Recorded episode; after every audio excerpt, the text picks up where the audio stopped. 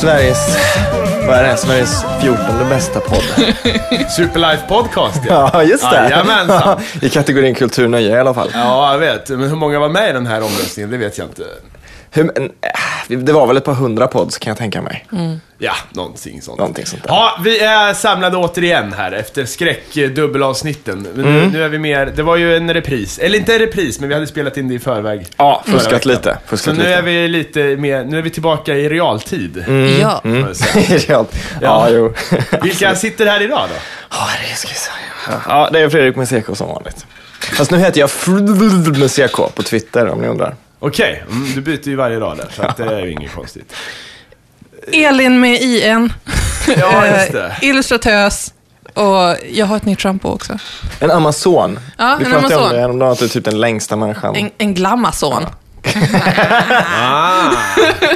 Ja, ja, Hans Mattias Hammarin. Ja. Stavar- H&M. Det var sämre och sämre. Jag vet, det blir skit. Jag gillar nästan våra förra epitet vi hade förr i tiden bättre, nästan. Det känns tryggare på något sätt. Men vi har en gäst också. Oh, vad skönt. Vem har vi med oss? Sebastian eh, Andersson. Eh, Och hans mellannamn stavas Henrik med D. Och det brukar folk störa sig på väldigt mycket. Oh. Ja, de tycker att det är skitkonstigt. ja. Fast, ja. ja. Är det något så här, polskt ursprung då? Eller vad? Jag, eh, min, min pappa är född i Holland och det var bara för att min farfar var så här, stationerad på jobb där. eh, På den tiden. Och där var det ju väldigt vanligt att, där heter de väl Henrik med, med Ja, D. Så han det- heter Jan Henrik. Och sen har jag fått ärva hans mellannamn som mitt mellannamn. Då. Se där. Nej, men det är schysst ändå. Det, jag gillar när man Ja, jag har gillar när det är små lite tweaks på namn. så här. Crazy. Ja, ja, Du är ju här i egenskap av eh, uni- universumkunnig. För det är faktiskt veckans tema här. Ja, det är Universum. avsnitt 79. Ja. Diskon eh, är väl eh, på väg bort. Börjar Ja. bli lite töntigt. Ja, lite tunt. Ja, visst. Men berätta vad du gör. Eh, Jag eh, studerar fysik på Göteborgs universitet. Åh, Stort. det är ett hammarinskt avsnitt. Ja, Ja. fan fysik alltså. Ja, nej men det är, så, så är det. För nu har vi dragits med dina eh, så här, kulturteoretiska program ett tag här. Och, då, och skräckfilm och sånt. Och då har folk sagt så här på krogen. Fan Hammarin, det är schysst som fan när du snackar rymden. Det måste vara mera rymden. Faktiskt, har fått höra. Så att nu är, det, nu är vi här. Universum-tema. Ja. Underbart. Jag har även en annan strategi i det här avsnittet än vad jag brukar ha. Jag har eh, bestämt mig för att inte förbereda så mycket, för jag tänker liksom ta emot mer.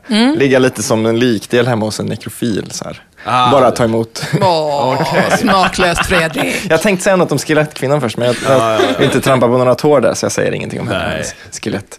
Ja, jag har fått några skelett. Jag, har satt, ju- jag, satt ju, jag satt ju och gjorde den här, vad heter det, skelettlåten här. Eller nekromantik-covern, mm. måste jag säga, hela förra veckan. Så att, eh, jag har fått det där. Jag vill inte höra mer om det. Nej. Nu är det slut på halloween.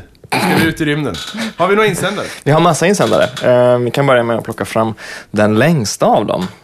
Ska vi se. Den kommer från en man som heter Gazi Ganser, ursäkta om jag uttalar det fel. Eh, han säger så här, Hallå gänget! Har lyssnat ett tag men kommer aldrig ihåg vad jag vill kommentera på, så nu har jag skaffat mig en anteckningsmateriell att ha nära till hands på jobbet. Bra. Ni är bra och det är allt det vanliga smickret, kanske den bästa podden, nog om detta. Skräckavsnittet har varit skrämmande bra. Angående det där med horoskop som jag tror Hammarin pratade om så upptäckte jag för några år sedan tidningen Metros horoskop, att de upprepades i varje månad. Det hade alltså exakt samma texter om och om igen. Va? När man inte ens kan betala en lurendrejare att hitta på nya varje dag kan man lika gärna lägga ner den. Håller ni med? Vilket Alltså, scoop! ja, det där var det dumt. Ja. Ja, men jag förstår det. Är ju bara på så det är klart. Liksom, orka sitta och ta det seriöst. Ja, och men, men å andra sidan, de, de som ska ta det där seriöst, de som horoskopen är till för, Mm. de kommer ju att bli väldigt arga och besvikna. Och de borde ju upptäcka det direkt, eller? De läser Alltså, jag, jag... jag, jag, jag läste faktiskt en tweet som någon hade skrivit här och det var någon, eh, jag ska inte säga alls vem det var, men hen undrade så här, vågar jag läsa, eh, vågar jag läsa horoskopet nu innan arbetsintervjun?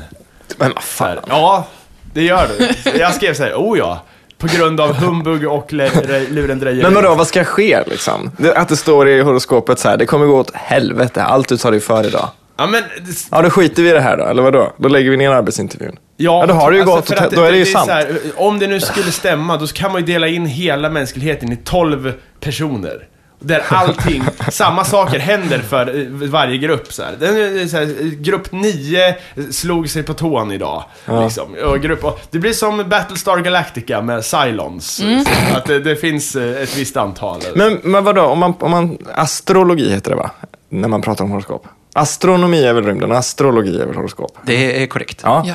Eh, Alltså, är det, det, visst är det månad, eller vad, är det som avgör? Är det planeternas... Det är planeternas positioner som påverkar det på olika sätt. Okej. Nej, fan nog om det här känner jag. Vi fortsätter med hans insändare. Jag, jag hade en liten tanke bara. Ja. Att, eh, ha- om han, vad hette personen som Gassi Ganser. Ja, eh, Gassi. Eh, om det kanske är, eh, han kanske har angripit det här på, på fel sätt. Jag tänker att horoskop är ju liksom otroligt generaliserande meningar som skulle kunna passa in på i princip vad som helst. Och det kanske är så att eh, alla horoskop nu har skrivits och vi liksom har börjat, eh, börjat om. Liksom. Ja, det- som ja, det, precis. hur, Jo, det hur många generaliserande grejer kan man säga egentligen? Det kommer Men- gå bra, det kommer gå dåligt. Ja, imorgon sant. kanske det kommer gå sådär. Du kommer möta någon som förändrar ditt liv idag. Ja, men det, det känns som att det, jag tror språket inte... Antingen så måste språket utvecklas eller så måste... Ja, det måste bli längre kolumner om inte annat. Ja. Annars, så, här, så man kan få in mycket specifika grejer. Så då till exempel att... Det kanske är slut nu. Men, fin- Ja. men det kanske, då borde det finnas något jävla kartotek med alla så här horoskoputfall man kan få. Liksom. för Numrerade och för grejen är sådär. att nu är vi ju så himla många. Så nu känns det ju snart som att alla, snart har ju, det är ju givetvis en absurd tanke och inte alls sant, men om man är lite cynisk så kan man ju tänka att snart har ju i princip alla liv, alla liv levt. det, är, det, är slu, det är slut på öden. Det är lite cyniskt, ja. Alla människoöden. Alla, alla berättelser har berättats liksom. Och allting är bara så här varianter på det. Allt är skit. Post, post modern times. Jag vet inte om man ska vara så arg på Metro för att de ompublicerar. Nej. Nej. Det är ju liksom så här, det, jag, jag tror inte det är det horoskop handlar om. Nej, men, och sen, nu sa jag ju alldeles nyss att deras målgrupp kommer ju bli sura och sådär, men, men målgruppen för horoskop i Metro kanske inte är den målgruppen som läser horoskop varenda dag ändå. Det kanske är de som skummar förbi ett horoskop då och då, fnissar lite och vänder blad. För de som läser horoskop varenda dag, de har säkert andra sådana där grejer de har för sig med aurafläktar och allt möjligt tjafs. Liksom. Och de får, men, de får sina, nej, men de får sina horoskop någon annanstans och säkert Ja, mer utförligt. Kasta säger, ben ut över De bordet. tror ofta, jag säger de så här med stora breda ord här, men de tror de här horoskopikerna, att så här, eh, att, ja, men, eh, på det här med det personliga ödet och individ, individen och fri vilja och sånt, det går ju ofta hand i hand i alla så här new age-grejer. Men det finns ju inte då i så fall. Om horoskop stä- stämmer så kan man ju inte eh, ha ett eget så här liv. Nej. Du är ju en Cylon. Men vad- du, du är ju en, en, eh, en stöpt form. Men han, det handlar väl om att vilja veta vad som kommer hända för den härnäst. Så att Men man det- kan bracea sig Men lite. Är det verkligen så? Är Jag det vet. Så här att, Ja, jag men vet. att alltså de som använder horoskop på, på riktigt, liksom använder det mer så här bara, ja men kanske gör ett eget horoskop för den här speciella dagen då de Ja. har planerat att göra någonting och se liksom åt vilket håll det barkar, om det är en bra Du menar, idé. de använder det som ett verktyg menar du, för att ta Ja. beslut? Lite mer så. Typ, ska jag Va? komma, Men- komma men- tidigt till bröllopet eller ska jag komma sent till bröllopet? För kommer Nej, det vara en dag ska jag som... gå på bröllopet Ja, överhuvudtaget? sant. Jag har ju Brian. Enos, eh, jag, jag använder ju Brian Enos kortlek. Eh, Den kände producenten Brian Eno, känner ni till honom? Mm. Ja, Han, de har ja. ju utvecklat, han utvecklade ju i samarbete med någon, eh, Oblique Techniques eller vad det heter. Ja, just det. Och det är ju då, jag kan dra ett kort här ska vi se. Ja, jag har det också som app på telefon. Ja, faktiskt. Det är himla skönt att dra ibland när man kör fast med något kreativt. Det, står, det här är ju för musikproduktionen, men det går att använda på Ja, men det, är, det är väl ett verktyg för att komma loss när man kör fast Jo, i men det är kreativ liksom, det är process. så här, nu står det så här, Look at the order in which you do things, står det här till exempel. Mhm. Då kanske man tänker så här, ja, vänta nu, jag kanske ska mixa eh, sången efter gitarrerna den här gången. Mhm. Och så här, så drar man nästa då. eh, just carry on. Ja, ja men så här, det här Ja, är, det är bra. på något sätt, det har ju inget, det är ingen hokus pokus. Men det är bara så här. Och det, jag tänker mig att det, horoskop är väl så kanske då? Ja, men Ja. lite. En uppmaning att göra någonting annorlunda. Det kan det väl vara. Ja. Hur som helst så fortsätter han så här då. Kanske det bästa med podden är Hammarins liknelser med tecknade serier. Jag har själv varit eh, manlig nog att Tom och Jerry hoppat upp på en stol och skrikit när en mus kom in hos en kompis. Detta medan hon jagade efter musen och jag skrek “Jag vill inte ha den på fötterna!” utropstecken. Tack för Ja, att ni men-. Ja, det, det bjuder jag på. Vad heter det? Vad har vi fler? Vi måste Ja, gud ja, vi har fler. skynda oss igenom här. Ja, för fan. Ja, alltså. ja, ja, vi har Vi kan fler. komma till det intressanta. Till det göttiga. Vår, eh, vår gode vän Mick Björkman säger så här. Vet jag att Mattias inte gillar Hawking, men jag vill veta vilken slash vilka teoretiska eh, fysiker slash andra forskare ni har som favoriter. Åh, Mycket bra fråga faktiskt. en bra Jag- fråga. Har Sebastian någon eh, favoritfysiker? Ja, det är, det är en lika svår som eh, eh, tråkig fråga, jag på. Eller mitt svar är snarare tråkigt. Men jag, jag, jag är ju väldigt svag för Richard Feynman. Och det är väldigt många utav eh, eh, mina fysiker, blivande fysikerkollegor också. Ja. Men det är för att han är... Han var ju lika briljant som han var karismatisk. Det, Och- berätta ve- vem det var av dem. Eh, Richard Feynman var en teoretisk fysiker som eh, eh, bland annat var med och utvecklade det som kallas eh, kvantelektrodynamik, eller QED. kallas. Ja, den gamla. Ja, men det är grejerna. Han har skrivit massa böcker, eh, både populärvetenskapliga eh, och eh, lite biografiska med mycket anekdoter ur hans Mhm. liv och bland annat berättar om hur han jobbade på Manhattan-projektet där Oj, de tillverkade ja. atombomben. Men det handlar inte sådär, fysiken är liksom insmugen lite grann sådär i Mhm. texterna. De är, de är för alla att läsa. Det låter Ja, intressant. Bra tips. Min, en av mina favoriter, bara för att han har varit i krig med Hawking, är Leonard Susskind. Heter han va? Ja, det heter han. Ja, precis. För han var ju i krig med Hawking angående en, en, en... Man kan säga att det handlar om svarta hål. Så här. Och jag, alla som är i krig med Hawking tycker jag om. Jag gillar inte Hawking alltså. Jag kan bara säga det alltså. Jag, jag tycker han är ett jävla neggo. Han, var, ja, men han är. Han här- Men vad har han att vara glad för då? Ja, nej jag vet inte. Han kan, jag tycker han kan vara, han är precis som Einstein var på slutet av åren. Han var också neggo. Han bara säger kvantmekaniken är bluff, allt är skit, jag har kommit på det bästa redan. Jo. Och så, lite så är Hawking också. Allt jag har kommit på, ja, jag har kommit på allting och allt som kommit på efter jag har kommit på det, det är, de har fel. Fan jävla neggo.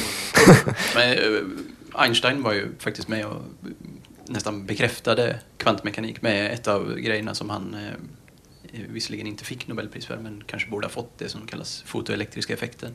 Ja. Eh, Men visst var det så att han, han var ju, han trodde ju inte på det. Gud kastade inte tärning sa han ju. äh, Och, och med, för jag kan berätta så här, kvantmekaniken för alla er som är inte det är universum här, men det är ju det att är så här, på, på, om man zoomar in jävligt mycket, så här, på den minsta eh, arenan i universum så är allting random lite grann, kan man väl säga. Snabbt sammanfattat egentligen. ja, man kan, det kan man säga. Det, för en det blir- lekman så, så är det ju förklaringen. Ja, det kommer in mycket sannolikheter och sånt som Ja. man eh, ska ta hänsyn till. Men det trodde, jag för, var, han trodde väl inte riktigt på att det funkar så? Nej, eh, han motsatte sig väl en viss tolkning av kvantmekaniken som kallas Köpenhamnstolkningen. Och varför den heter så, det var för att eh, eh, Niels Bohr, som är den store danske teoretiska fysikern, Ah. var en av dem som eh, kom upp med det här. Han är också en, en favorit faktiskt. Ganska ful karl, Det- ganska, men, men väldigt briljant. Det känns som att han har gjort roliga saker och vi har pratat om det, men jag kan inte komma på vad det skulle vara. Vad sa du? Nils Bohr. Ja. Det känns som att han har gjort roliga saker som vi har pratat om, men jag kan inte komma på vad det var. Jag vet inte om han gjorde så roliga saker direkt, men eh, visst. Nej, för att de, jag de här männen är ju oftast män då. Men eh, de, de som är intressanta är inte intressanta för vad de kom på för mig. För jag har ingen koll på vad de har kommit på och hur man applicerar det. Det är bara om de är lustiga figurer liksom. För mig då. Får man säga Neil deGrasse Tyson?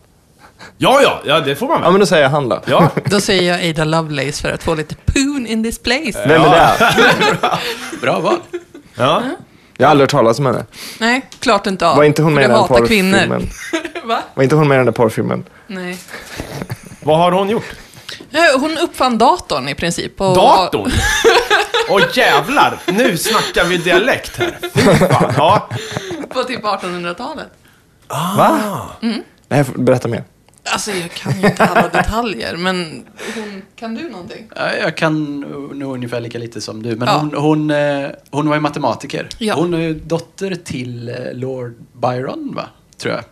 Eh, om jag inte minns fel. Det här får vi... Det här måste jag Vänta nu. Wikipedia Ja, ja, ja, ja. Men eh, hon, hon var matematiker och hon jobbade med en annan känd matematiker som höll på och jobbade med en beräkningsmaskin. Och skrev bland annat ett, det som man brukar kalla för ett av de första datorprogrammen. Eh, som Turingen? var en, som var en alg... Nå, nej, jag vet inte. Ja, hette Nej. så? Eller bland... Ja, jag blir osäker nu när du säger det. Men eh, som är en algoritm för hur den här ska göra saker. Var inte hon väldigt uttalad feminist och skrev en bok om det? I sådana fall vet jag säkert om det. Nej, det Då tror jag blandar jag ihop dem. Oh my god. Man, oh man. Du måste lära dig lite herstory. Ja. Men okej, vad har vi fler, mer i insändarkorgen? Jo, eh, Johan Vanlo skriver så här. Teori efter att ha lyssnat på senaste Superlife-podd. Skräck är inte skräck, skräck är action! Utropstecken. Ja, det kan jag med. Jag vet inte alls vad han menar med det. faktiskt. Nej, men jag förstår. eh, Ja. Han, kanske, han kanske menar att, att eh, det som vi tittar på som skräck numera är liksom att det, det, det är händelser och det är spektakulära grejer. Ja, men Ha en yxa, yxa i huvudet. det- ja. Visst, visst är det så. Explosioner, zombies som exploderar och så. Det är inte det okända vi är rädda för, det är att titta på när det händer fräcka grejer. Typ. Ja. Jag kan hålla med om det. Ja, men, men varför inte? Why not? Sen skriver Pierre Ahlbom, hur stort är ert personliga universum? Vad cirkulerar ni runt? Ja, men det där, det där är faktiskt en relevant fråga. För att jag drabbades ju eh, som 20-åring av eh, det här som be- beskrivs i Liftarens guide till galaxen som vidgade vyer vortex. Va? Eh, vidgade vyer vortex Det låter en- som någon jävla sommarläge för, Nej, för men tokar. det, ja, men det är någon form av tortyr. Tydligen så här, jag läste inte klart hela... Ta det lugnt nu Fredrik. Det, det här är allvar. Jag lyssnar. Det här är allvar. Vidgade vyer vortex, det är alltså en, det är en tortyrmaskin. Som man placeras i den här och när man placeras i den så får man se, eh, får man uppleva sin eh, korrekta plats i universum. Oj. Alltså man får, det zoomar ut liksom. Den finns ju. Och så- det är Canis Majoris eh, GIF. Ja, ja, ja, precis. Den här, om man söker på Biggest Star Known to Man och så får Ja. man se Canis Majoris. Eh, det är precis det. Eh, och då, det drabb, drabbades jag av. Och då var det en kompis som sa till mig Nej men du måste ju bygga ett subuniversum nu. Så här. Du måste typ så här, börja göra så här, väldigt specifika saker med specifikt folk och bygga liksom ett, en egen bubbla. Så, för annars kommer man inte ur vidgade vyer vortex. Och mitt, min lösning blev att typ supernörda in mig i musik och, och, och, och liksom sådana grejer. Så att eh, då vart det så här, istället för att tänka på Canis Majoris kanske man tänkte på att spela på den här klubben i Örebro. Men det, jag tycker Alltså- det är ett bra trick faktiskt. Ja men det är ju lite så man får göra. För man kan ju inte säga, om man- börjar placera sig själv i det stora universumet, då är, då, det är helt plötsligt alla mänskliga värderingar bara far åt helvete. Ja, egentligen. absolut. absolut. Du har Det, ingen anledning att göra och, och rätta dig efter någon annan människa. För att eh, jämfört med en stjärna så är det ju bara Mm. skit ändå. Ja, men jag, jag håller helt med. Det är, det är en försvarsmetod som jag själv använder också. Just det, liksom, att, att bli extra upprörd över vissa oviktiga inom citationstecken saker gör att man, man känner att Ja, men min plats på jorden blir mer cementerad desto mer jag bryr mig om världsliga ting. Om man börjar prata om liksom, kosmisk tid, eller vad heter det, geologisk tidsskala eller något sånt där, där man Ja. mäter i tiotusentals år och sånt där. Då blir man så jävla lätt deprimerad, eller jag blir så här, förvirrad och deprimerad. Ja. Så att det, är- det är en bra grej. Ja. Ja. alltså, Men, har du något att tillägga? Mr Physiker? Ja, men jag säger, Fredrik kanske inte ska gå en kurs där man pratar om så här, kosmologi och sånt. Där man pratar Verkligen inte. Nej, verkligen universums inte. framtid. Det är, allt som vi vet tyder ju på att eh, om så här, 10 på till 35 år så då är det bara svart. Liksom. Ja, då är allting fy. kallt och Ja. det, finns, det finns liksom inga... Man förväntar sig att liksom även all materia har sönderfallit. och, Men jag ja, kan- det finns precis, bara liksom... Sånt där, jag kan inte... Det, det var ju det här jag snackade om i skräckavsnittet Ja. när vi fick frågan vad vi var rädda för. Eh, och då sa ju jag det, universums stora eh, entropidöd. Liksom. Det stora utslocknandet, det är jag på allvar rädd för. Oh my god. men, men ser ni inte fram emot liksom när jorden bara tar tillbaka sig själv och vi bara försvinner? Inte lite vad Ja men det är skitsamma, för sen kommer jorden, eller solen att svälla upp och sen blir det bara rost av hela jorden Men fy. Oh, Ja, och sen, oh my god. ja fy fan. Nej, men det, är- man, ibland förstår man ju varför folk eh, har andliga begär. Liksom. Ja, gud ja. Absolut.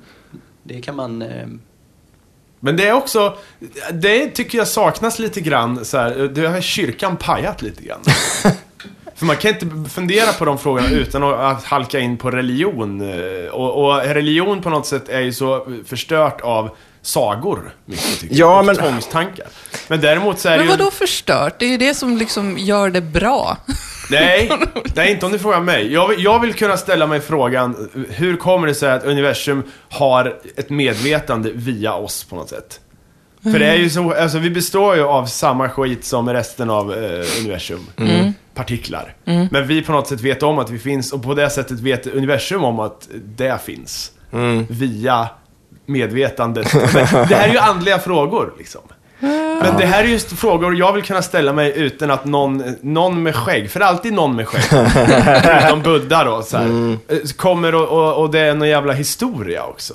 Jo, men alltså fan, problemet med andlighet versus eh, ren kosmosvetenskap är ju att, eh, att man försöker applicera det ena tänkandet på det andra. Att folk som är väldigt duktiga på eh, fysik och teori och be- bevisa saker applicerar det på en massa sagor som har eh, liksom, en kontenta som är ett budskap. Så sagorna blir problematik, för då blir det en massa, det blir årtal, det blir personer, det blir platser, det blir anledningar till varför folk gör saker som det, be- det behöver inte finnas De kvar ska ju där. bara De- vara metaforer. Precis, de borde släppa sig en reviderad bibel på typ 200 sidor med bara en massa punkter som är så här, så här är det bra om du lever. Man, man tar bort liksom det här måttet av att det har utspelat sig på vår planet. Jag har ju någon bok här, jag ska kolla. Eh, eh, just det, den här. Den här säger du i Ja, en men podd. det här är Paul Davis. Det är också en sån här skön uh, gubbe. Vad har han, vet- känner du, vet du mer om han än vad jag gör, Sebastian? Eh, nej, det gör jag inte alls. Nej okej, Paul Davis, han är någon sån här, den här boken heter I huvudet på Gud. Ja, men vad fan. Och den handlar liksom om, den handlar inte om Gud, utan den handlar om universum. Och, och hela den biten så här. Och han ställer sig frågan då, vad fan är det den handlar om egentligen? Jag kan aldrig, aldrig tänka mig att någon har satt den titeln på en bok som har skrivit en bok. Jag lovar att den där titeln är satt av en förläggare. I huvudet Det är på klart Gud. fan det är så. Ingen har ju suttit och skrivit en bok och bara, vad ska den heta? Ja, i huvudet på Gud. Men det här, det här är lite så här, så nära den religionen jag vill eh, tro på man kommer. Det handlar liksom om metafysik. Så här. Me, vad, vad, hur kan det, vad kan finnas utanför universum och hur, hela det här, hur kom det sig att det startade och allt sånt där. Jag vet inte hur bra den där är och han kanske är värsta fjant, eh, flumforskaren, inte vad fan vet jag. Men jag fick den där i gåva en gång och jag tyckte att det var, det var ändå så här intressanta tankar. Han ser väldigt snäll ut. Ja, det, det gör han verkligen. Han, jag. har en väldigt, han har en riktig Ned Flanders-mustasch alltså. Ja, ja. Jo, ja, han ser ut som Flanders, ser han. Åh jävlar. Ja, det är underbart. Jesus. Du måste älska en sån snubbe ändå. Så. Ja, verkligen. Ja. Paul Davis. Paul Davis. I-I-S. Ja, här ska jag läsa. Ja, låna den. 10 spänn kostar den också. Ja, visst. enligt prislappen. Inte alls eh, fy skam. Nej, men så, så är, det kan man väl sammanfatta det här med personliga universum. Att det, det, det är skönt att, och man får avgränsa det någonstans. Annars blir Ja. man deprimerad. Ja, verkligen. Pe- Ja, jag håller med. Man måste avgränsa sig. Ja. Det var nästan så jag blev deprimerad när jag var i Tokyo i, i somras för att det var... Deprimerad. Nej, men stan var så stor så att mitt personliga scope liksom zoomade ut brit, brit, brit, på, som, som en, på en Google-karta. Men känns inte det skönt? Jag fattar inte hur ni kan få ångest av det. Nej, men det är bra att veta att du finns där. Men, Men ska vi gå in på stort och litet nu? Ja, det kan vi väl göra. Hur stort är universum egentligen? och här får vi lämna över till fysiker tror jag. Ja. Ja, Okej. ja, det- var någon som sa någon, någon sån här bra grej till mig någon gång om det här med alltså, längdskalor och, eh, och såna här grejer. Att vi lever någonstans i mitten av, av det vi vet. Alltså, de, de, minsta, de minsta längderna vi, vi kanske inte, vi kan inte mäta dem, men vi kan i alla fall liksom, eh, räkna på dem och göra lite teoretisk fysik med. Liksom. Och nu, nu blir det lite matematik, men 10 upphöjt till minus 35 meter. Planklängden. Ja, planklängden. Just det. Det är ju liksom det minsta. Och i andra änden, alltså universums, det synliga universums storlek är ja, 10 upphöjt till 30 meter ungefär. Någonting sånt har jag för mig. Så vi, vi bor någonstans mitt i, mitt emellan det allra minsta och det allra största, kan man tänka. Det här kan man ju se, det finns ju de som har gjort sådana här flash-animationer. Eh, eller så interaktivt, man kan zooma in och ut och se saker då. Det ökar med 10 gånger hela tiden. Och så kan man dra den här mätaren. Det är bara att googla på typ flash, eh, Just eller så här, the scale of the universe. Det finns väl en gammal film som typ IBM har gjort också på slutet på 70-talet eller någonting sånt där. Som zoomar från liksom den absolut minsta beståndsdelen vi kan, de kände till då till det största de kände till då. Som är otroligt snygg tekniskt. Det är så här 10 minuters zoom bara liksom. Har ni sett den? Nej? Jo, alltså, ja, jo, jo, och man har ju sett liknande. Vi kan länka till den sen, för den är sevärd. Ja, men då tänkte jag på det här med, med för, för jag såg, jag har ju hört någon säga att om du tar planklängden då, som är, den, eh, kan man säga att det är... Alltså inte som en planka då, utan Nej, som det, plank. det är Max Ja. Planck, Ja. eh, fysiker som... som The Max Planck, den Ja. längsta plankan. Det är väl lite som universums pixel? Ja, så, så där brukar jag också tänka på Ja. det. Alltså att om, om vi har att... Eh, eh, för innan man börjar tänka på så här så tänker man ju, och nu kommer jag slänga mig lite med, med ord, jag hoppas att det Ja, ja, är bra. visst, så här. ja. Men Det är man okej. tänker på universum som att det är liksom, som att det är kontinuerligt. Att det liksom, det finns, eh, det finns inget så här minsta steg vi kan gå, utan vi kan, Mm. det, det, det är infinitesimalt. Ja. Det är liksom mjukt. Smooth. Ja, mjukt och fint. Eh, men en grej som händer när man gör, eh, jag höll på att säga plankmekanik, men kvantmekanik. Ja. Det är att vissa saker som vi i, i det makroskopiska universet tar för givet är kontinuerliga helt plötsligt blir det som man kallar diskreta. Ja. Det vill säga att det finns, att någonting, eh, eh, vi kan ta ett exempel. Ja. Eh, en, eh, en elektron. Och Om vi, om vi pratar om atomer. Eh, de flesta kanske vet ungefär hur en atom är uppbyggd. Mm. Det finns en kärna som är positivt laddad som innehåller en massa protoner och neutroner, men de är oladdade. Och sen så runt det här så snurrar det runt en massa eh, elektroner i olika konstellationer. Eh, och Som vårt solsystem. Ja. ja, Bra sagt Fredrik, bra sagt. Ja, men jag får vara den... Den det är ju egentligen inte banor utan det är ju ett sannolikhetsmoln runt. Ja, ja. Men, vi, vi, tar, vi tar solsystem med Ja. analogin. Ja. Men, men det, är, det är en jättebra analogi. Det var nog lite så Niels Bohr tänkte också. För det är så hans Ja, atommodell ser ut ungefär. Och eh, om vi tänker oss eh, fria elektroner som bara flyger runt så här i tomma rymden. De kan ha en energi som vi säger är kontinuerlig. Alltså den kan anta i princip vilket värde som helst. Du kan ha en oändligt lång radda med decimaler liksom, för att beskriva. Du kan ja, få vilken konstellation som helst. Men när de blir så att säga bundna till, alltså de, eh, till en atom och dess kärna så att de snurrar runt den här kärnan. Då kan de bara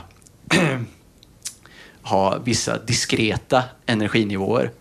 Och det här är alltså, när man, man säger att det är multiplar av eh, ett visst eh, eh, tal som man kallar för Plancks eh, konstant. Kan man säga så här, om, om, om, om atomkärnan är en klubb och sen, och sen står det en dörrvakt där som säger att du får bara komma in om du har en biljett.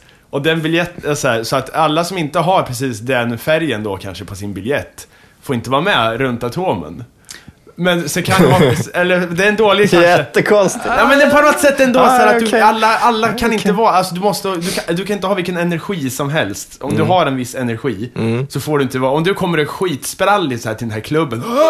Nej, det här är en pretentiös här, du måste konstklubb. lugna ner dig. För här kan, vi, kan, vi, kan ta, vi kan ta en annan eh, analogi. Vi kan Ja. tänka så här, vi kan tänka trappsteg.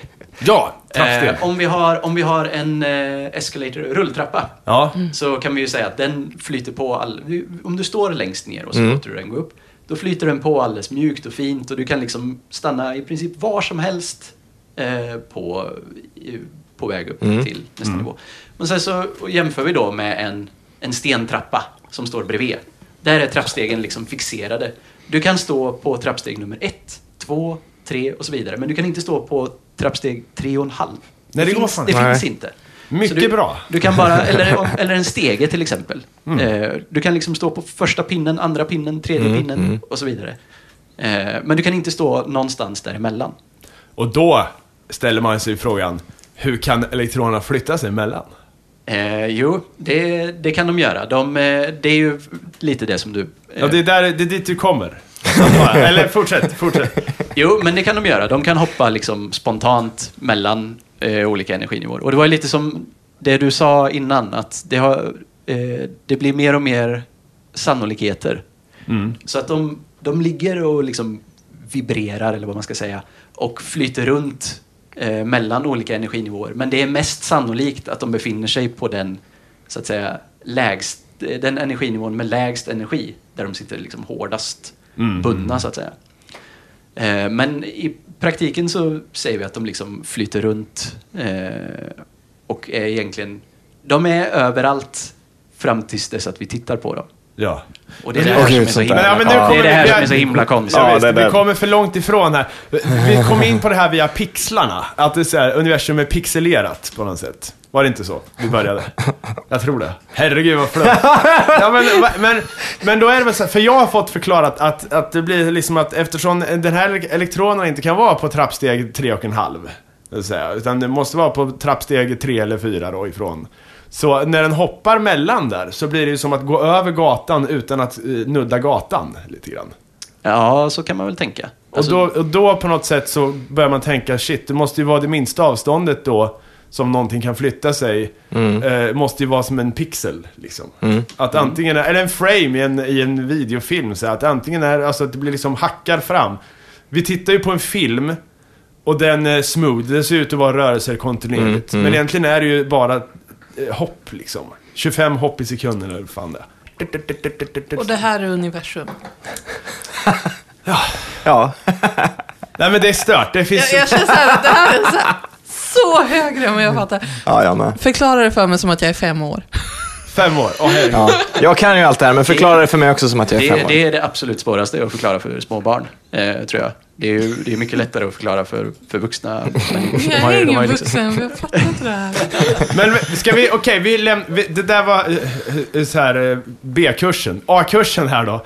För en sån här planklängd, det minsta avståndet i alla fall, som man kan, som det finns någon mening med att diskutera. För att och mindre än det så kan allting hända, eller det väl, kan man väl säga i alla fall. Ja, grejen är att vi, om vi går på mindre energi, eller vad säger jag, längdskalor, så, så vet vi liksom inte riktigt vad som händer. Nej. Och då har jag läst att om du tar, om du tar en atom och förstorar den så den är lika stor som det synliga universum. Som är, hur stort då? Vad är det? 10 på till 26 meter eller? det är, Ja, det- det är det är enormt i alla fall. Och om du blåser upp atomen så den blir så stor, då skulle en planklängd vara som ett träd på jorden ungefär. Ja, det, det låter... Det, det stämmer säkert. Ja, alltså det är vad jag har hört. Fattar ni hur jävla litet det är då? En planklängd. Ja men fattar Ja, du om det du skulle zooma in, du har en atom som bara redan är fruktansvärt liten. Sen zoomar du in på atomen, Mm. lika mycket som du skulle behöva zooma in ifrån universums största, sto, eller som, eh, skala, Mm. ner till ett träd. Så mycket behöver du zooma in från atomen för att komma till planklängden. Ja, men det, då är det ju ungefär som det vi pratade om förut, att vi bor liksom mitt i, Ja. Ja. mitt i, eh, mitt i längdskalan, så att säga.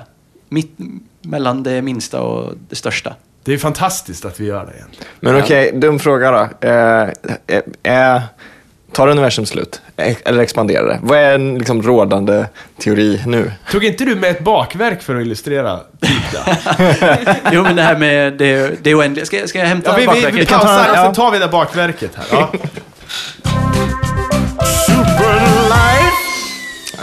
Så, då har vi fått en kaka serverad här. Men Ja, innan ser- vi tar den och ger oss ut i rymden igen så ska Fredrik ta något mer Ja, jordnära jag, jag, jag kan, eftersom jag inte kan någonting om rymden så förbereder jag ändå liksom lit, någon hänt i veckan-grej, sådär som det brukar vara.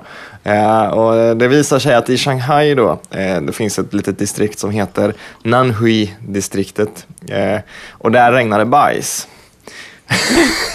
det är alltså folk som har hittat på sina bilar eh, utomhus då, så här massa små eh, gulbruna prickar. Och när de har tittat vad det är så har det antagligen varit bajs. Och de vet inte vad det här beror på. Är det Ja, det här måste ju vara eller? bibliska grejer för fan. Nej, det Syndafloden och bajsregn. De boende där tror att det är från flygplan eftersom det ligger en, en eh, flygplats nära där. Men eh, flygansvariga säger att då borde det vara blått. Det är ett mysterium alltså, att varför det är bajs på alla bilarna. Fan, vad, ja. Jag, jag tänker bara på, jag såg ett Cobra-avsnitt igår eh, om B-filmer och då pratade de om Sharknado. Ja, ja, jag ja, tänker ja. att det är, något, det är något liknande liksom. Poopnado. Det var bara det jag ville flika in så jag får dra med lite bajs i... ja, mycket bra. Okej, vi går till kakan. Ja, Ja. Det är en sockerkaka, eh? eller? Ja, Ja. Det, det är det. En typ av sockerkaka. Eh, och anledningen till att jag tog med den, eh, förutom att jag tycker att det är gott, eh, så har den en form som eh, är lite rolig. Den är, Eh, vill någon beskriva hur den ser ut? Som en drejdel utan pinne. Nej, men det är som en donut. Den är ju donut-shaped liksom. Den är, den är ju som en... eh, Som ett ufo, fast att det är hål i mitten. Ja, men det är hål i mitten och sen är den liksom lite rundad så här. Så det är som en bildäck. Ja. Den har badringsform, liksom. Godtyckligt så. Och eh, jag tycker om den här formen, för det är lite så jag gillar att tänka på det här med universum och universums storlek och Big Bang och såna här saker. Eh, för en grej som jag tror många, hur, hur många tänker på Big Bang är att det började, att det finns någon sorts mitt där allting började. Alltså det finns en punkt Ja, som är precis. liksom centrum. Och där small det och sen så flög det ut en massa grejer och så Mm. blev det liksom Precis det, vi- så tänker jag. det vi har idag. Ja.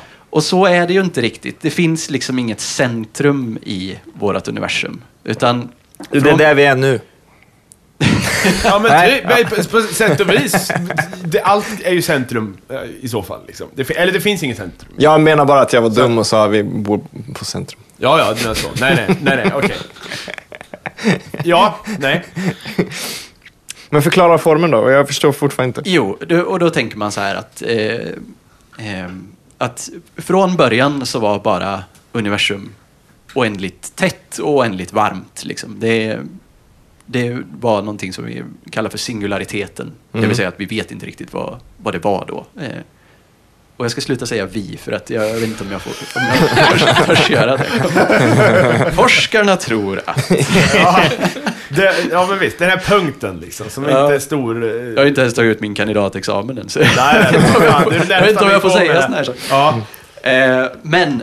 Eh, och nu tappar jag alldeles bort mig. Men och då tänkte man så här, men om det inte finns något centrum, så här, hur, hur ska man då tänka på, på universum? Jo, då tänker jag att det, det ser liksom... Den, universum är som ytan på en badboll, eller en sockerkaka, eller en donut, om man så vill. Ja, ja. Som från början då var väldigt, väldigt liten och väldigt, väldigt tätt packad. Och sen så händer det någonting och helt plötsligt så börjar den blåsas upp. Som Och när den jäser i ugnen. Ja, precis. Ja, ja, ja. och nu så blåser den upp fortare, fortare, fortare, fortare. Expansion. Och, ja. Och den är liksom oändligt stor och har även alltid varit oändligt stor. Men, Men den blir bara ännu... jag, ser, jag ser ångesten. Men, ja. Okej, men hur kommer sig? Själva formen är jag intresserad av. Varför har du valt en, en ring? Ja, för det finns ju ett, ett tomrum mitt i.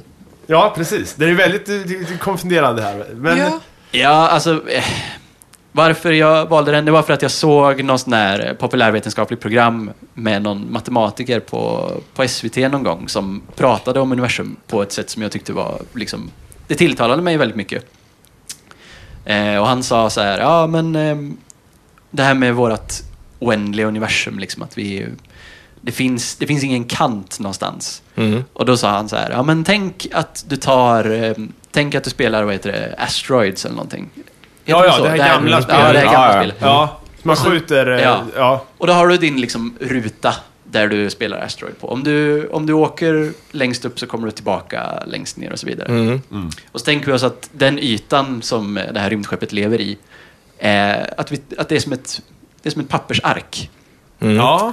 Och sen så tar vi det här pappersarket och så viker vi ihop det.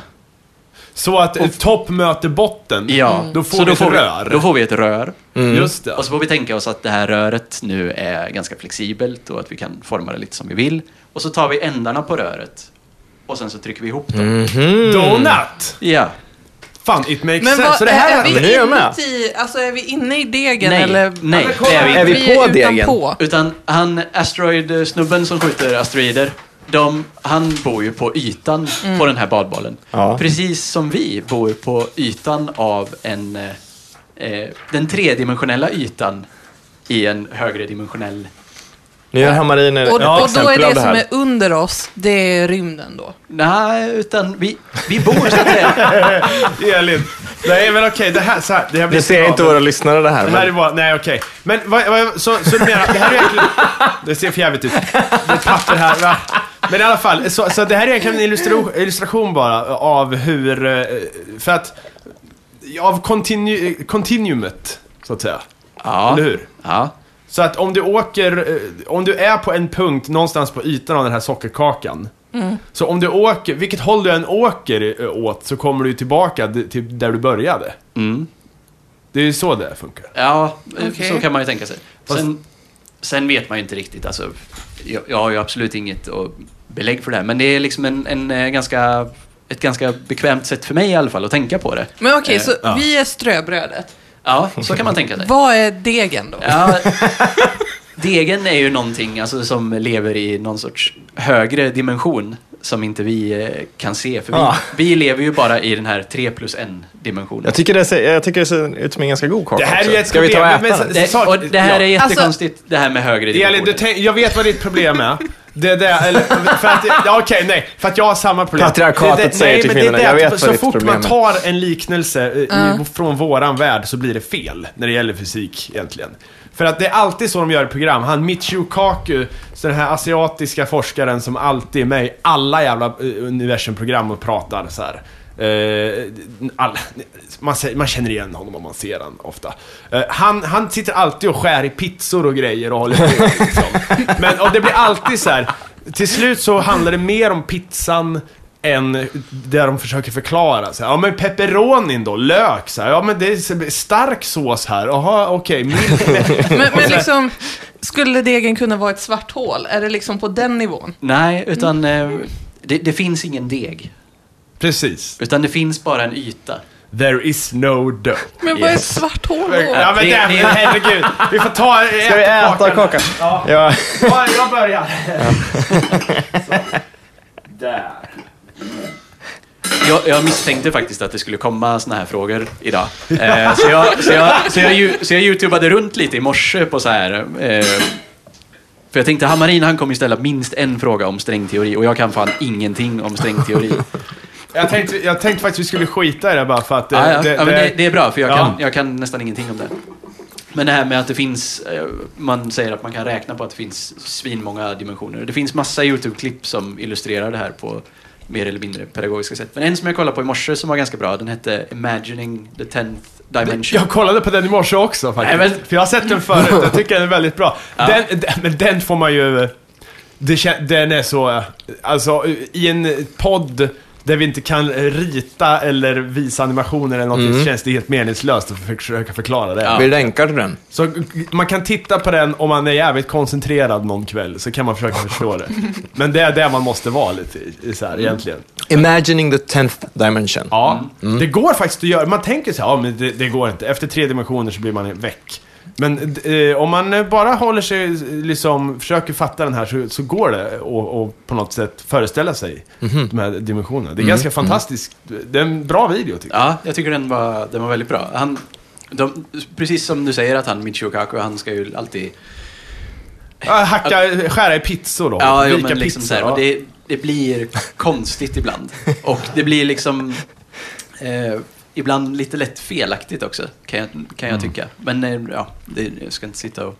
Otroligt god sockerkaka. Fantastiskt. jättegod. Jag tar, jag tar en liten bit till det. faktiskt. Ja, det, det, det är till för att ätas. Så Som, jävla spongy. Men man får säga, jag kan säga en sak om den här tionde, tionde dimensionen-videon i alla fall. Att det slutar med någonting som kallas omniversum. Och det är den tionde dimensionen, det är någon slags plan där allt, alla typer av universum kan existera på alla sätt eller något sånt där. Så det är bra, man, den som tar sig igenom videon kommer till omniversum. Så det är värt det på något sätt.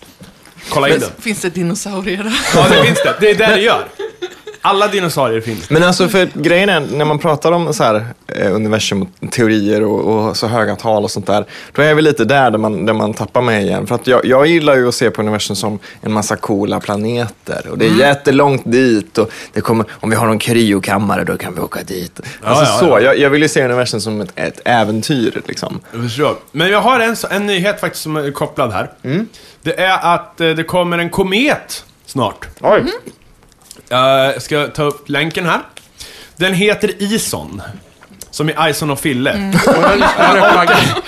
Va? jag lyssnade på dem på vagnen när jag åkte hit. Ja, ja precis. Så heter den. Och den, eh, den kommer här att kunna ses från jorden eh, mellan 10 och 15 december har jag förstått det som. Hoppas det inte är molnigt då, så kan man titta på den. Kan man se den bara genom att stå och titta eller måste man ha kikare eller måste man... Blotta ögat står det. Okej. Så att jag Mm. antar att det är, det är bara att titta då helt enkelt. Ser Men det, då, för det, då, det jag ska komma in på här. Den Mm. kommer ju ifrån ett ställe som heter Ortsmoln. Och det ligger utanför solsystemet kan man säga. Eller på ett sätt är det del av solsystemet. För att det, det är ju för att de eh, attraheras av solen som de cirkulerar i ett stort moln runt solsystemet. Vad ska man titta efter? För jag vet aldrig egentligen hur sånt ser ut om man ska titta på himlen. Folk bara, idag kan man se Saturnus. Bara, ja, men är det där Saturnus? Ja, nej, det är inte Saturn. Ja men du! ah, nej. Jag har en mapp, eller en app. Du kan, du, kan ladda hem SkyMap. SkyMap. Och den är jättebra. Ja, SkyMap, roligt. det är till iPhone här i alla fall. Jag Mm. vet inte vad det finns till för fler plattformar. Men då, då kopplar du på vart du är någonstans med platstjänster. Okej, Så ja. kan du bara rikta telefonen mot det du ser och sen ser du om det är Saturnus eller vad fan det är. Kommer den här, Jupiter eh, till exempel, kommer den här kometen vara med där? Tror jag inte va? Eh, vet ej. Jag tror det är stationära grejer som är, som okej. är på den här. Ja, men det är ju ändå fantastiskt. Men det är ju bra, för då, då, de brukar säga att man ska titta i en viss stjärnbild eller någonting. Om man då vet vart den är vid ett visst tillfälle på dygnet så kan man liksom kolla. Så att om man har en iPhone men vägrar att använda karttjänsten så kan man navigera med hjälp av stjärnor i en app. Ja fast du måste ha på karttjänsten. Ja, men om man vill inte... Ja, Ja, ja. Det, att det är amatörmässigt att slå upp en karta på hur man kommer hem, så tar Ja, man nej, men det, det är kul, för jag brukar ibland så här rikta den där och bara, är det Jupiter? Ja, det är Jupiter. Så Det är egentligen det enda jag använder den till, men bara det kan vara skönt ibland att veta Mm. att den finns där. Men jag måste ju fråga er båda två, både Sebastian och Amarin. Hur föddes eran kärlek till rymden? Vi bor ju i rymden. Ja, precis! det var det bästa svaret. Jag Var kan inte säga... jävla smartass nu! Nej, men det- det är mycket bra beskrivet ändå. Det är lite så jag känner. Ja, men så här, ha- du har ju inte samma intresse för Göteborg, eller Sverige. Det är bara, det är bara en råkar ju konstruktion, det är bara bara vara en mänsklig här. konstruktion. Det är mer på, vi är mer på, i rymden än vi är i Göteborg. I min värld. Men vadå, hur, hur föds någons intresse för någonting? Liksom? Det är ju sannolikt någon som man ser upp till, som har sagt någonting som man tyckte då, "Åh, fan vad bra det här verkar. Och så blir man lite impad och så vill man säga saker på samma bra sätt. Och sen så, Ja, men jag, sen jag så tänkte så här liksom att ni kanske såg ett stjärnfall och bara, vart kommer allt ifrån? Jag måste säga, eh, jag var inte klar här om ortsmoln. Ortskometmoln. Uh, det ligger alltså... Uh, vet ni hur stort det är? Nej. Nej. Det är 50 000 astronomiska enheter. Okej, berätta. Och en astronomisk enhet är väl typ avståndet mellan jorden och solen va? Ja, Ja, så åtta ljusminuter då. Åtta minuter tar det för mm. solljuset att komma hit. Så, så långt är, eh, sträcker sig det här molnet av kometer som man, man inte har observerat men man är rätt säker på att det finns där ute. Och själva solsystemet är ju inte alls lika stort egentligen. Eller vad man säger, det, där solens, alltså det här man snackar om eh, yttersta planetbanorna och så. Så, så solsystemet är mindre än det här molnet? Oh ja. Mycket mindre. Den här Voyager, kommer ni ihåg att det var en nyhet att den här Voyager-sonden Ja. åkte, lämnade solsystemet eh, i oktober någon gång. Eh, den, Den har hållit på sedan typ 60-talet, va? Eller? Ja, ja, Ja. jo, visst för fan. Eh, men den har ju inte åkt, eh, alltså... Hur långt har den färdats ungefär? Det, det är inte alls, det kanske är sen, jag tror att det är 95, 90-95 någonting astronomiska enheter. Tror jag det är. Av 50 000 då, som det här Oj. molnet är. Ja. Så att en har den, ju inte- den har ju lämnat sol, det som kallas för solsystemet då. Men den har inte lämnat jo, eller så, solens inflytande riktigt än. För de här mm. kometen, molnet räknas ju ändå som den yttersta, yttersta gränsen av det här eh, solsystemets makt. Riket. Fattar? Så att bara, bara, vårt, bara det är ju jävligt stort här. Eh, men det är ju bara en skit i jämförelse med hela galaxen och så vidare. Så att fan, åh herregud. Jag har en sån grundskolefråga nu. Eh, vad hände med, hur många planeter blev vi till slut? Kom inte på att Pluto inte fick vara med? Eller Jo, det? det, det är korrekt. Varför blev det så? Ja, det är en bra fråga. det är, jag tror det är att Pluto är lite för liten har ju för att få hittat- klassas som en planet. Och det, det, ja, de har ju... Jag, jag antar att de har battlat om det här väldigt länge. Ja. Eh, jag hoppas verkligen det. Men Men, så- ehm, det, jag, ja, jag, jag måste erkänna att eh, jag är inte så himla bra på det här med, med astronomi. Jag är inte så insatt i ämnet så jag kan inte svara på det. Men jag kan säga att eh, de har ju hittat många många andra himlakroppar ute i det här så kallade Kuiperbältet. som, är, som är ett asteroidbälte, eller vad man säger, ute, i utkanten av solsystemet. Och där finns det ju andra himlakroppar som är typ lika stora som Pluto, lite mindre kanske. Och då blev det så här, okej, ska Pluto vara en planet, då måste vi ha fem till, liksom. Och då blev lösningen istället att nej, det här är nog inte en planet. För att dess, Pluto har inte samma bana heller som andra planeterna. De andra planeterna ligger ju Nej, för då skulle de ju vara på de andra planeterna. Ja men ni vet så här att, att solsystemet är ju platt kan man säga. Precis som galaxer plattats till. Eh, av, eh, av, av att det liksom, alla, allt drar i varandra så att det blir som en skiva till slut. Och Pluto följer inte den här skivan, utan den åker liksom på snedden runt. Så de andra planeterna ligger i det här fina planet då, som är solsystemet. Och sen Pluto har någon jävla Renegade-bana runt. Vadå, så bara för att eh, hen är annorlunda så måste det liksom Ja! bort Kan man-? Ja! Hur stort är Pluto? Om man landar där, kan man gå runt liksom på en dag? Det, det, nej, tror jag inte. Du Men det kan- vore ju kul att liksom vara på en planet där man ser krökningen och så kan ens polare stå liksom lite längre Jo, bort ingen- på väg bak så här bakom. Men om den är så liten, då, är, dra, då har den ju inte ens dragningskraft att sant, hålla kanske. fast dig Det är ändå. väl så sant, att det är bara, det, det är... Det, så liten är den ju inte. Jag tror att Pluto eh, kan mätas i eh, någon eh, sorts multipel av månen, va? Något sånt där. Ja, Ja, nu, kan, nu kanske jag förrastar mig lite, men att det är den typen av storleksordning vi pratar om. Mhm. Att den är Och, kanske eh, tre gånger större än månen eller tio gånger större. än Ja, någonting sånt där. Mhm. Så varför är den inte en måne då? Ja, därför att den cirkulerar inte runt en annan planet. Så den är bara inget? Ja, det, jag tror man... dvärgplanet. Dvärgplanet brukar... Eh, Objekt populärt. i kub, Kuiperbältet. Jag gillar i alla fall Pluto, det måste jag säga. Jag tycker om Pluto. Ja, jag Men, tycker- jag tycker men om du om ändå pratar om månar, så är ju mån, en måne behöver ju inte vara en, en så här stor rund boll som, eh, som, må, som Luna. Det kan vara typ ett gasmoln också. Nej, inte, Eller? inte ett gasmoln. Kan, inte vara, kan inte en satellit räknas som en måne? Alltså om det är... Jo, men satellit Eller är det lite samma? sam- Ja. Eller vad ska man säga? Eh, Mars har ju en måne som heter Phobos, tror jag. Två månader till och med. Någon liten Deimos och, Men det är liksom inte ens, den är inte ens så pass stor att den har blivit rund av gravitationen. Utan det är som en liten potatis som åker. Där är man i dom. På någon av dem. Är man det? Ja. ja det är ju inte rimligt. Men vad ska man säga? Ha, ja, det, men allt det här är ju väldigt intressant alltså. Absolut. Men när ni ser på science fiction, blir ni provocerade då om det är någonting fel eller ologiskt? Ja. Ja, som i Gravity. Blir ni, Gravity, vi, blir, vi ni, borde snacka Gravity. blir ni provocerade när de inte har blöjor på sig under rymddräkten? Ja, men vad Det var en fan. kollega som sa det till mig. Det är ju skitdumt att de, att de inte har blöjor på sig när de tar av sig rymddräkterna. Har du sett Gravity, Sebastian? Nej. Okej, vi ska inte spoila. Det handlar om rymden. Ja, men den är bra. Jag tyckte det. Om jag får säga det, det lilla jag kan utan att spoila den filmen. Så är det ju det här steget mot natur... eh, Alltså naturtrogen eh, sci-fi. Som jag har väntat ganska länge på. Mm. Alltså den, det, det är en film där det händer ganska mycket dåliga saker. Men skulle man ta bort de dåliga sakerna och byta ut det mot något, något positivt men som fortfarande är spektakulärt så skulle man ju få en berg och dalbana som kan visas på NASA för att typ få dit nya astronauter. Om man jobbar lite med så här, det får, måste vara eh, naturtroget till 100% och sådär. Det är lite... Ja, precis. Alltså, den är väl vad man ska säga... Jag tycker att det är skönt till exempel när- när... För det är ju massa saker som sprängs. Kan man ju, det kan vi ju spoila. De blir ju fast i rymden för att de drabbas av en jävla eh, svärm av... Eh, eh, vad heter det? Debris. Satellitskrot, liksom. Som sliter sönder rymdskeppet. Och det fina är ju då att, ja vad händer? Eh, Rymdskeppet exploderar inte med häftiga explosioner och ljudeffekter och sånt, utan det bara slits sönder. Liksom. Och blir som ett stort moln av skit bara, som svävar som en stor klunga så. Och det är ju, det, det på något sätt tycker jag är vackrare film, det blir snyggare än om det bara hade sprängts i en sån här blå explosion. Men jag trodde alltid, ISS, den här rymdstationen, jag trodde alltid att det var typ som en liten, liten stad.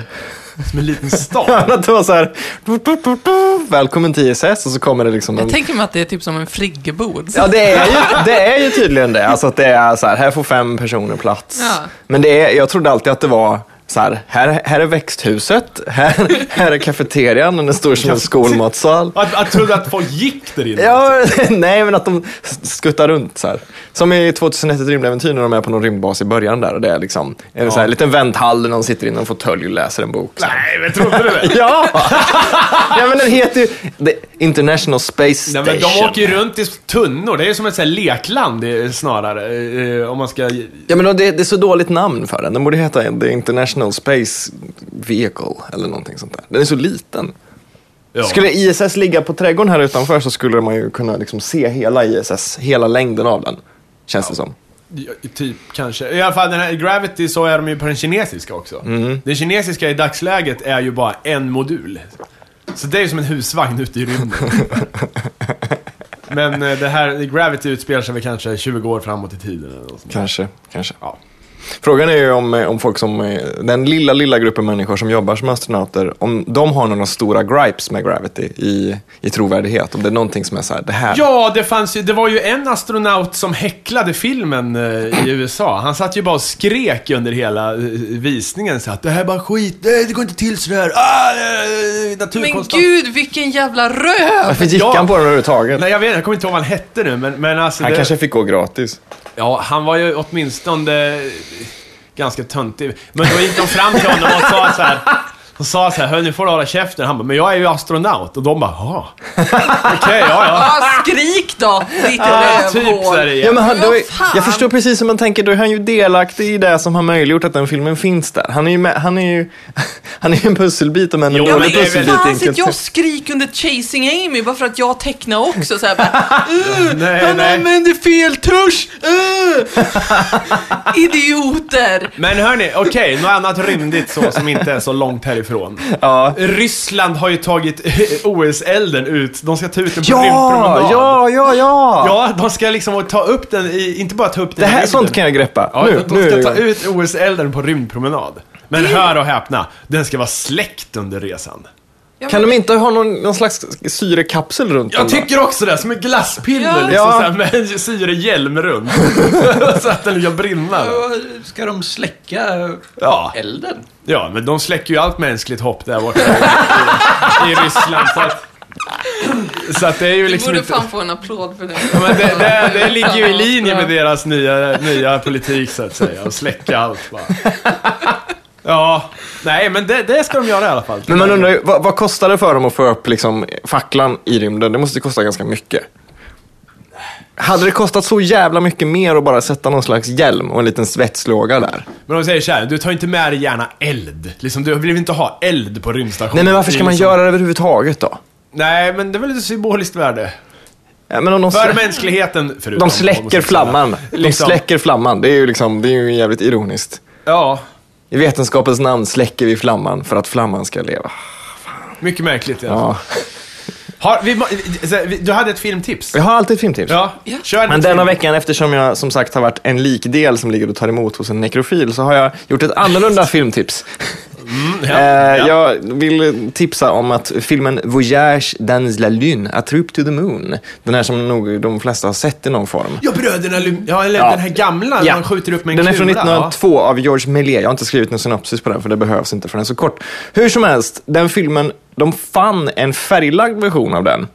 1993 fann de en version som var är på väg att gå sönder men som var färglagd. Folk alltså har målat för hand på varenda ruta. Satt färg, bara stora penseldrag men det är fortfarande färg på den. Och den här versionen har de restaurerat och pillat med och det var den enda liksom, kända exemplaret av den färglagda versionen som fanns. Och den släpptes eh, nyligen, eh, typ något år sedan, med eh, musik av det franska bandet Air. Eftersom det är en stumfilm då så är det bara att lägga på vilken jävla musik man vill. Eh, och den går att se på internet. Den är 15 minuter lång och den är jättefin och jättetrevlig. Så att jag tänkte vi länkar till den sen. Det blir mitt lilla rymdfilmtips. Ja. Och så kan man ta och se Smashing Pumpkins-videon efter den. Det kan man göra. Som är typ samma då. Ja. Så Voyage dans la lune, trip to the moon. Vi lägger den. Det är underbart. Bra tips tycker jag. Alltså Mm. det blir lite mycket länk. Vi får länka oss till det här och som vi inte kunnat greppa riktigt. Annars så kan ni ju Snälla, skri- skriv det. in det vi säger att vi ska länka till i typ Google och tryck på enter så kommer ni hitta den då.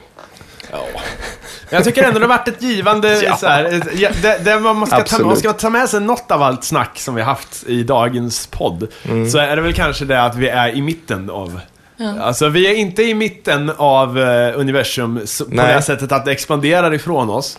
Eh, för att det, det, det, det finns inget mitten. Men däremot så är vi i mitten av eh, skalan. Att det finns eh, ta mig fan lika sjuka grejer under oss som det finns över oss. Det är fantastiskt. Det tycker jag är det kanske finaste vi ska ta med oss. Ja. Ja. Ja, Ha en bra vecka alla våra lyssnare. ja och vi njut tackar vår gäst än Ja, en gång för den Sebastian. underbara kakan Ja. och eh, info och faktan vi fått njuta av. Ja, det var, det var väldigt trevligt att få komma hit. Ja, Ja. Underbart. Ha, tjabba rena då. Syns nästa vecka. Ja, det gör vi. Hej då. Hej! Kom ihåg att följa Superlife Podcast på Facebook och Twitter. Du kan även gå in på vår hemsida superlifepodcast.se Eller mejla oss på superlifepodcast.gmail.com.